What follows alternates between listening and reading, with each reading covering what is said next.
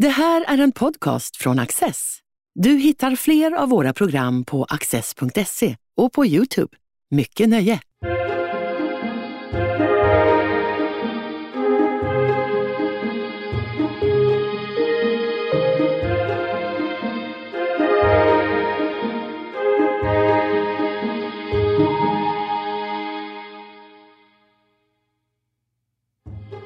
Språk innehåller tusentals ord som i sin tur består av en närmast oändlig samling ljudkombinationer. För att förstå språkets föränderlighet kan forskning inom ljudsymbolik hjälpa till. Niklas Erben Johansson har disputerat vid Lunds universitet på en avhandling som utforskar ljudsymbolikens gränser. Niklas Erben Johansson, välkommen hit. Tack så mycket. Du utforskar språkets mest basala ljud och betydelser. Hur blev du intresserad av just språkljud? Det är en ganska lång historia på ett sätt, men när jag var liten så jag alltid tyckt om att eh, titta på små slutna system. Och med det menar jag eh, till exempel skriftsystem. Så jag tittade på gamla skriftsystem, jag tittade på sånt man har hittat på. Eh, det finns ett antal konstruerade system och jag skrev ner det i olika små böcker och sånt där och sen försökte jag göra mina egna system. Sen fick jag någon slags, vad jag trodde var ett genidrag när, ehm, jag vet inte hur gammal jag var, 15 kanske, att jag tänkte, kan man inte göra ett, någon, någon form av ehm, skriftsystem som speglar hur vi pratar? Så till exempel om man använder läpparna skulle man kunna indikera det på något sätt. Så insåg jag efter lite sen efterforskning att eh, Eh, det redan finns ett antal system som är uppbyggda exakt efter detta. Till exempel det som man använder för koreanska. Det är exakt så. Det är inte ett till ett, men det är väldigt där. Så där, där fanns någon koppling. Sen kom jag till gymnasiet och så började jag, eh, tänkte jag, kan man kanske hitta på ett språk som projektarbete? Så gjorde, så gjorde jag det eh, och det blev vad det blev. Men huvudpoängen där var att jag ville bygga upp språket ur några små beståndsdelar. Som att allting skulle, jag tror jag hade någon idé om de här de fyra elementen eller något sånt här. Att allting, alla ord skulle komma ur dem. Så det byggde upp regler som skulle liksom komma ur de här väldigt basala sakerna. Och sen började jag då tänka, ja det var också en tid när Wikipedia började ha mer information och då bara satt jag där och klickade runt mig och så började jag se mer hur olika språk såg ut och så här. Och sen såg jag att just det, man kan läsa språkvetenskap. Och då började jag läsa det. Och på den vägen är vi. Så du föddes i princip till det här, låter det nästan Ja, det, det, skulle jag aldrig säga. Men det fanns någonting, eh, någon inbyggd fascination, antar jag, av koder och så här, mindre system. Och sen så blev det något ganska annorlunda i slutändan. Men det, det är där det började i alla fall. Låt oss tala om det språkliga. Vilka ord och begrepp skulle du säga att vi behöver ha med oss in i det här samtalet? Så ehm, ja, det finns ju ett antal. Det, det första är ju då att um, hela min forskning gäller det som man på svenska pratar om som kallas för ljudsymbolik. Uh, och det är ett ämne som man inte pratar om så mycket på, pratar om så mycket på svenska. Um, anledningen till det är inte att det inte går eller så. Det handlar om att det är ett ganska litet ämne, ganska specifikt ämne och de som håller på med det skriver på engelska. Till, till exempel själv. Jag har aldrig skrivit en enda artikel på, på svenska om detta till exempel. Eh, och ehm, eh, då har vi ljudsymbolik och då är det sound symbolism på engelska. Men vi har också ikonicitet som är någon slags paraplyterm eh, för allting. Jag får försöka förklara de olika definitionerna här men men, ehm, men man kan säga att ljudsymbolik är en association mellan ljud och betydelse. Och den här associationen förstår man intuitivt på något sätt. Oavsett vilket språk man talar, oavsett vilken bakgrund man har och eh, så länge man är eh, neurotypolog, eller eh, typisk. Så, eh, eh, det vill säga att man inte har någon specifik eh, neurologisk störning eller så här, för då kan det bli svårt att eh, att göra vissa av de här kopplingarna. Men utöver detta så är det det. Och då ett, det vanligaste exemplet man pratar om här är att man säger till exempel att om någonting, eh, om någonting har ett i-liknande ljud så låter det litet till exempel, men o låter väldigt stort. Och det bara fattar man på något sätt. Eh, och eh, det andra väldigt eh, väldigt tydliga exemplet är mellan en spetsig form som man har gjort en massa experiment på och säger att det här låter, då man har ett ord som är som kiki till exempel så passar det väldigt bra med den här spetsiga formen. Och sen så har man en rund form och så är det boba. Så det är storlek och form verkar vara de mest basala sådana här grejer. Är det här alltså konsekvent på alla språk? Ja, alltså det finns ju som med allting undantag. Men, men, men, men i princip, man har gjort några experiment där man, den här Bubakiki eh, experimentet då har inte, funkade inte eh, i vissa, eh, alltså man gjorde test på några språk, jag tror det var ett tibetanskt språk. Eh, och då, men då kom man fram till att just Kiki och Boba, alltså de ljuden och de orden i den ordningen är liksom inte tillåtna i det språket. Det fungerar inte. Precis som att i svenska så kan man ha ett, eh, ett ng-ljud på slutet av ett ord till exempel, som i eh, sång. Men man kan inte börja med ett ng. Det finns inga ord som börjar med ngos. Liksom. Men det finns massa språk som gör det, så det, inga, det går att göra. Liksom. Där man började till exempel i vietnamesiska. Eller, um, massa andra, det kan ha en, alltså, vara placerat var som helst. Eh, men då är det att just booba och Kiki funkar inte på det språket och då så funkar inte experimentet. Så då är frågan, är det universellt eller är det bara så att det här är en väldigt specifik situation? Om man hade haft istället kanske Pepe och Momo eller någonting. Kanske det hade funkat till exempel. Hur gör man de här testen? Ja, ehm, det vanligaste, de, här två experimenten som är för storlek och ehm, och, ehm, och form är, har man gjort i hundra år, så det är bland de tidigaste experimenten som har gjorts. Eh, och då, det vanliga är att man bara i princip ger folk någon slags stimuli, så då till exempel de här formerna eller ett litet bord och ett stort bord och så, som en kontrast. Och sen så ger man dem två ord och så säger man vilken hör ihop med vilken. Men sen efter att vetenskapen går framåt så märker man att det finns en massa eh, problem med sådana väldigt enkla setups. Liksom. Ehm, så ehm, det finns ett, ett rad olika sätt att, eh, att ehm, utforska det på. Eh, också med att man hittar på små miniatyrspråk kan man säga, där man låter folk då, där man slänger in de här orden på olika sätt och låter folk eh, använda orden så ser man om det undermedvetet på något sätt kommer fram. Men, men det vanligaste är bara ren matchning helt enkelt, då på gott och ont kan man säga. Så det är ganska ung forskning ändå. Och ni skriver ju bland annat Eh, att er artikel som vi har läst inför det här programmet eh, den bidrar till det allt mer populära forskningsområdet sound symbolism. Vad är det som gör att just det här området, ljudsymbolik, har blivit, fått en uppsving? Jag tror det har med lingvistik att göra i allmänhet. För att, alltså, det finns egentligen Alltså man har pratat om det som är som ljudsymbolik. Det, Pla, eh, Platon har pratat om det eh, och bland annat det är väl det tidigaste exemplet. Eh, att vissa vissa ljud helt enkelt bara är bättre för vissa ord. Och jag tror han pratade om att till exempel eh, L-liknande ljud har med någonting som flyter att göra, för det låter som att det flyter. Så alltså, man har egentligen pratat om det väldigt länge. Men sen så hade man en lång period när det inte hände så mycket i forskningen och sen så kom forskning, eh, lingvistik eller språkvetenskap igång eh, då för ett par hundra år sedan. Eh, och eh, så gick man igenom en massa olika paradigm och sen hamnade man i paradigmet där man sa i princip att språket är som en eh, separat enhet från användandet. Det är liksom, språket är en enhet på något sätt. Och, då, och där sa man då att det finns liksom inte utrymme för att göra massa extra kopplingar. Så språket är språket. Varje koppling mellan vad ett ord, hur ett ord låter eller uttalas och, hur, eh, och vad betydelsen är, det är rent eh, godtyckligt eller arbiträrt. Eh, och eh, det höll jättelänge men det är intressant för att det här formulerades i början på 1900-talet samtidigt som de här experimenten som jag pratar om gjordes. Så det var ju liksom parallella världar. Men fram tills kanske 80-70-talet någonstans där, då bara utgick man från att nej, det finns ingen koppling. Om det finns en koppling är det liksom barnspråk eller det är, det är liksom inte riktigt språk. Det är en pejorativ typ av språk som inte, som inte liksom man ska prata på riktigt.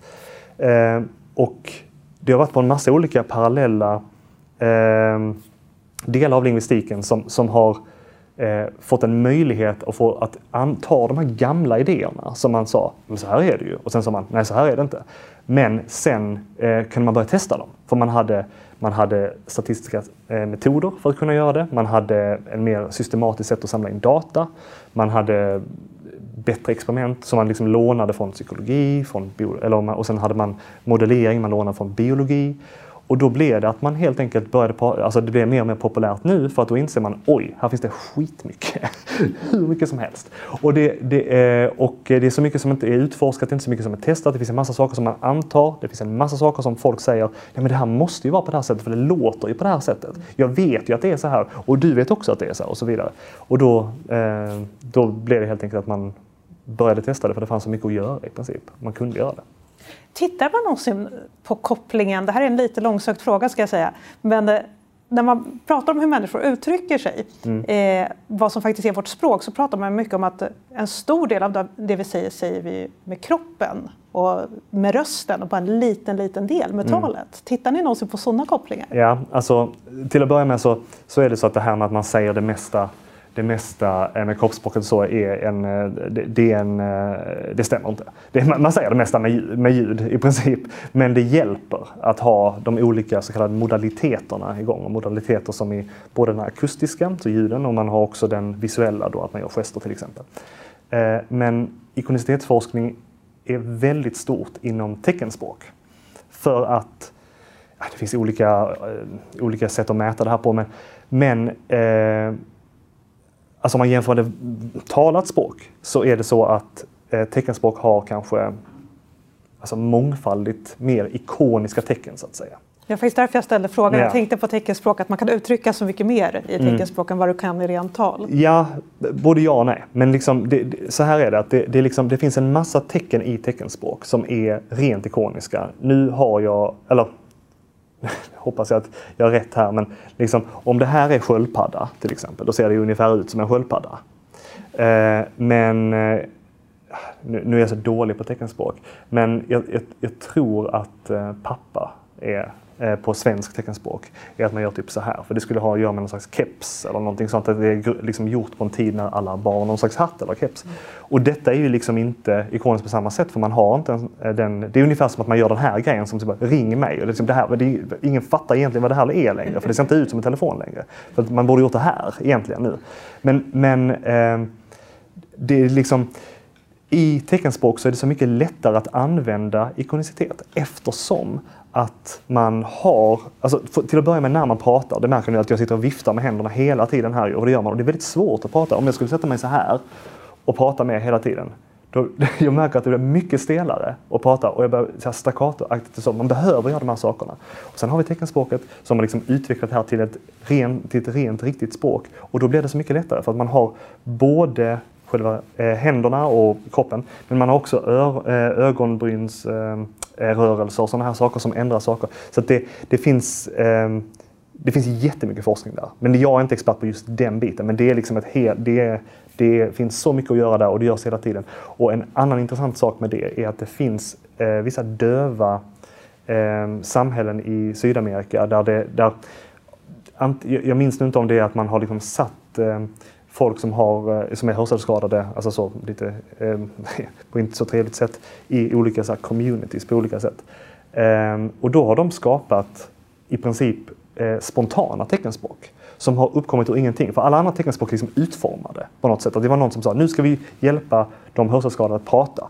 Men, men det här har liksom uppstått ehm, eh, på ett väldigt så spontant sätt. Och nu har det gått så långt att de har liksom börjat lära sina barn eller nästa generation. Och då ser man hur det här språket ändras hela tiden. Och där finns det så extremt mycket att göra. För att det är väldigt sällan man ser eh, ett språk bara uppstå. Liksom. Men nu har man lyckats se det just nu för att det råkade finnas den här specifika situationen. Men gesterna vi pratar med, mm. Eh, det är mer för avsändaren än mottagaren då? Nej, jag tror det är för båda på något sätt ändå.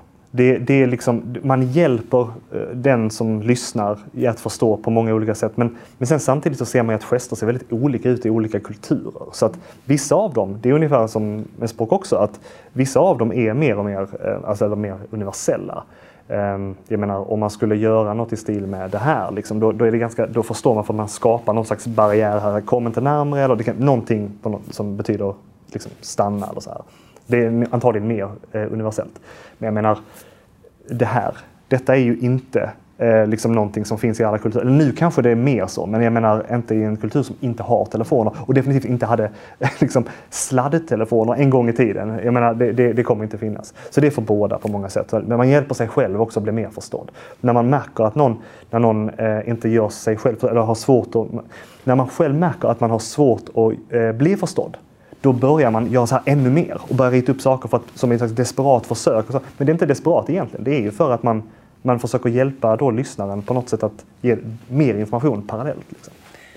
Men om vi går tillbaka till eh, era upptäckter här och så. Mm. Vad är det ni har kommit fram till specifikt? Nyheterna ja. inom forskningen? Så ja, säga. alltså det, det, vet, frågan är liksom vad som är det som kommer hålla bäst om tio år och om jag skulle sitta här och, och tänka efter. Liksom. Men jag tror att en av, en av sakerna som vi hittade som andra inte riktigt gjorde på rätt sätt eller hur man nu, man ska inte vara för negativ. Men det är att vi försökte bryta ner. Så vi, den, den stora, det stora vi gjorde var att vi, Ehm, vi samlade in en massa ord från en massa språk. Så då, då kan vi börja så här. Att språk, ehm, det finns kanske 6000 språk i världen och de är uppdelade i ungefär eh, 400 någonting familjer. Det vill säga, de kan man sätta ihop i en språkfamilj. Det är, så, svenska tillhör den indoeuropeiska språkfamiljen så, och vi då, alltså svenskarna är då släkt med nästan alla språk i Europa. Eh, nästan, inte alla. Och sen så går det liksom en väg ner över Iran ner till Indien. Och det är liksom, sen så finns det ju, man talar engelska i USA och så, men det är kolonien, eh, alltså av kolonier. Det är, det är annat, men liksom ursprungligen så är det lite mer Europa-Indien-delen.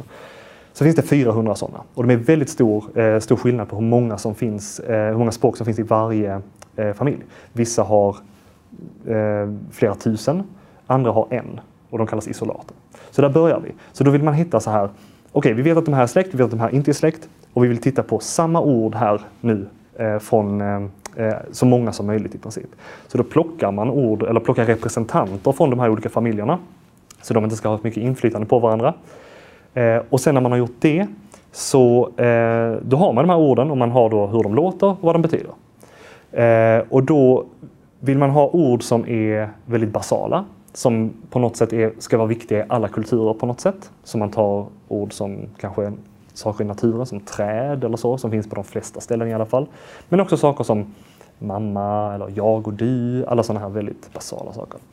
Och sen tittar man på orden och då bryter man ner dem. Hur låter de? hur kan vi klassifiera de här orden på olika sätt så att de låter, eller så att man kan sätta dem i olika grupper för att i ett språk kanske man har ett, eh, ett t, men i ett annat språk har man ett tö. Och då är frågan, ska de vara olika ljud? Ska de vara samma? Och så gör man upp någon slags, eh, eh, någon slags uppdelning där. Och sen, när man har gjort allt det här, då börjar man jämföra dem och titta, vad finns det för överrepresentationer i de här orden? Då är det jättemånga det blir. Så, så vi testar då 300 någonting eh, olika ord eller koncept. Och av dem så hittade vi att eh, kanske upp till alltså 38, nej inte 38, det är bara lite på hur man räknar. Men det fanns många kopplingar helt enkelt som, var, som stod för kanske 16 procent av den här vokabulären.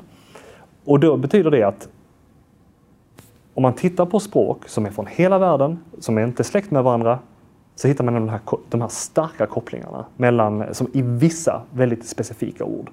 Och det, det, det, intressanta med det är att man hittar detta när man bryter ner orden. Vad är det de betyder? Man bryter ner ljuden. Vad är det de låter? Vad är det, de, vad är det för ljud som faktiskt kommer ut? För att vi har till exempel P, T, K. Alla de är någonting som har stoppljud, eller klusiler som det heter. Men de, talas på, de uttalas på olika delar av, av munnen och då symboliserar de också olika saker, verkar det som. Eh, så det är det här med att bryta ner eh, ett steg längre ner som vi gjorde annorlunda mot vad man har gjort innan. För man har hittat kopplingar på andra sätt förr över världen, men inte på den nivån så att säga. Jag sitter och funderar på eh, ifall det här är språkets matematik du sysslar med eller om det är språkets psykologi. Mm. Alltså det är å ena sidan att ni sitter och letar så här, rent matematiskt, var finns representationen? Mm. Men ni ska också förstå så, mm. den mänskliga faktorn i det hela. Ja, jag skulle nog ändå lägga det mer på, i psykologifacket, tror jag. För att det, det här med, för det finns sånt som skulle kunna vara så här, språklig eh, matematik inom, eh, alltså, när man tittar på eh, betydelse. Det finns, jag, nu kan jag inte det här alls, men man gör i princip ekvationer med betydelser på olika sätt. Och jag tror att det är tveksamt i hur mycket man kan komma fram till med den här typen av... Eh, men det, det är väldigt intressant att se i alla fall som, som fenomen och, och hur folk faktiskt använder det. Men men eh, från min synpunkt i alla fall så är det väldigt mycket på den psykologiska nivån. Och det är också därför man använder sig av de här metoderna från psykologi i väldigt stor utsträckning. Eh, för att hitta eh, liknande saker, för det, det, bara funkar. Det funkar väldigt bra för att, jag menar, språket är egentligen bara ett sätt för oss att förmedla våra tankar.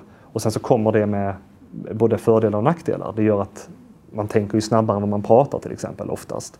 Ehm, men det kan också vara, komma på andra hållet på något sätt. Att man, när man väl pratar då kan man ibland säga någonting som man faktiskt inte tänkte på för det bara gick eh, av sig själv och då påverkar det. Så det finns någon slags eh, återkopplingsloop i det här.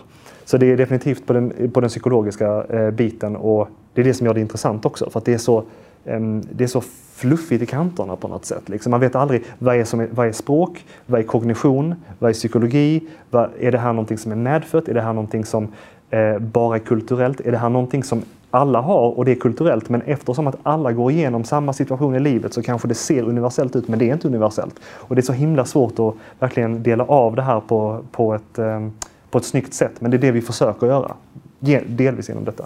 Hjälper det att vara flerspråkig när man studerar språk? Mm. Eller räcker det med att kunna det, grundläggande? Det, det, kanske det gör, men då går det inte så bra för mig. Men, det, men eh, för att jag kan bara eh, i princip svenska och engelska, alltså prata som en, alltså, på en bra nivå. Men en nyfikenhet till ja, språk? Ja, såklart. Det, det är ju så. Sen ska tilläggas också att eh, alltså jag vill alltid passa på att slå ett slag för att eh, när man pratar om att vara flerspråkig. Så att, att vara enspråkig ser man kanske som att, och nu är vi flerspråkiga för vi lever i en globaliserad värld. Men det verkar som att eh, om man tittar på mer säga, traditionella eh, samhällen runt om i världen, det vanligaste är att man är flerspråkig.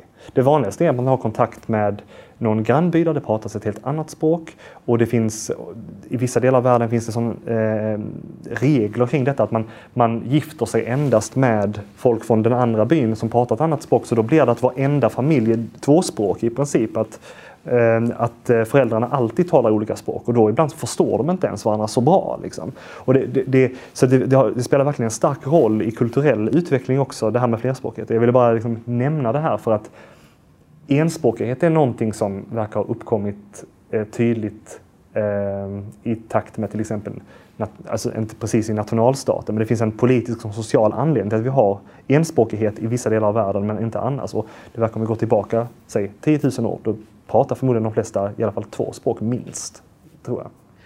Hur är det att forska på någonting som är med en hela tiden? Är det inte så att hela mm. världen blir din källa på något sätt? Jo. Att du sitter och lyssnar efter ljud hela tiden? Det är det att lingvister gillar ju också att prata om eh, alltså etymologi eller språk, eh, alltså var, var, var, ordet, eh, var orden kommer ifrån till exempel. Och det, det är ju så att när jag sitter med de som är mina kollegor slash vänner som jag också träffar privat och så. Så sitter man och pratar och så säger man vad är etymologin på det? Och då måste alla kolla det. Men det, men det handlar också om att man försöker liksom sätta upp det här i det här, det här delvis ifyllda nätverket som vi har i huvudet där vi försöker liksom få allting att på något sätt hänga ihop. Eller vi försöker i alla fall. Så ja, det, det är svårt för det, det, blir ju någon slags yrkesskada. Som, precis som att jag alltså, de flesta lingvister jobbar ju nu inte med eh, formella saker som att, alltså jag stör mig på särskrivningar till exempel, men det är inte så att det är det som påverkar mig mest, utan det är verkligen när jag hör någon säga något på visst sätt, eller när jag hör ofta att någon säger fel. För när man säger fel, då är det ofta någonting som kommer, kommer upp eh, som är ofta en intressant process. Eh, för att om man till exempel, om man säger, man ska säga hund, men så säger man katt, då, då kan det vara jätteintressant. För då tänker man så här, varför sa man just detta? Borde de inte sagt kanske humb eller något istället borde inte ligga mer nära till hands. Men nej, då är det för man kanske kategoriserar just katt och hund alltså som koncept som någonting som är fluffigt och har fyra ben och som är ett husdjur och så här. Så att det är liksom eh, där, där har vi eh, ett exempel på att man, man, man liksom som här, den här typen av lingvist, lingvist i alla fall letar hela tiden och hör hela tiden, precis som du säger. Att det, det, och det kan vara jobbigt ibland, ärligt talat. Det, det, det, ja. Jag gillar verkligen översättningar. Mm. Den här eh, utmaningen att bevara både form och innehåll kittlar för mig. Mm. Men vad är magin med språkljud på motsvarande sätt? Ja, alltså det är ju lite samma sak för att det är ju det här med att om man om man är en fonetiker och bara tittar på till exempel just ljuden i sig själva. Vad är det för ljud som används? Hur ser den ut om man tittar på den eh, genom så här, eh, analysprogram till exempel? Vad har den, vad har den för eh, grundton, det här ljudet? Hur pratar den här personen? Pratar den väldigt knarrigt och sådär? Det är ju en sak. Men det jag tycker är så intressant med med ljudsymbolik i det här fallet är ju då att då har man alla de här ljuden, men som egentligen bara ska vara språkljud som används som små byggklossar för att bygga ihop eh, det när vi sitter och pratar. Liksom. Men så bär de på någonting utanför det. Och det är så konstigt på ett sätt. Att de liksom, och sen också, det är bara vissa som bär på det för i vissa situationer.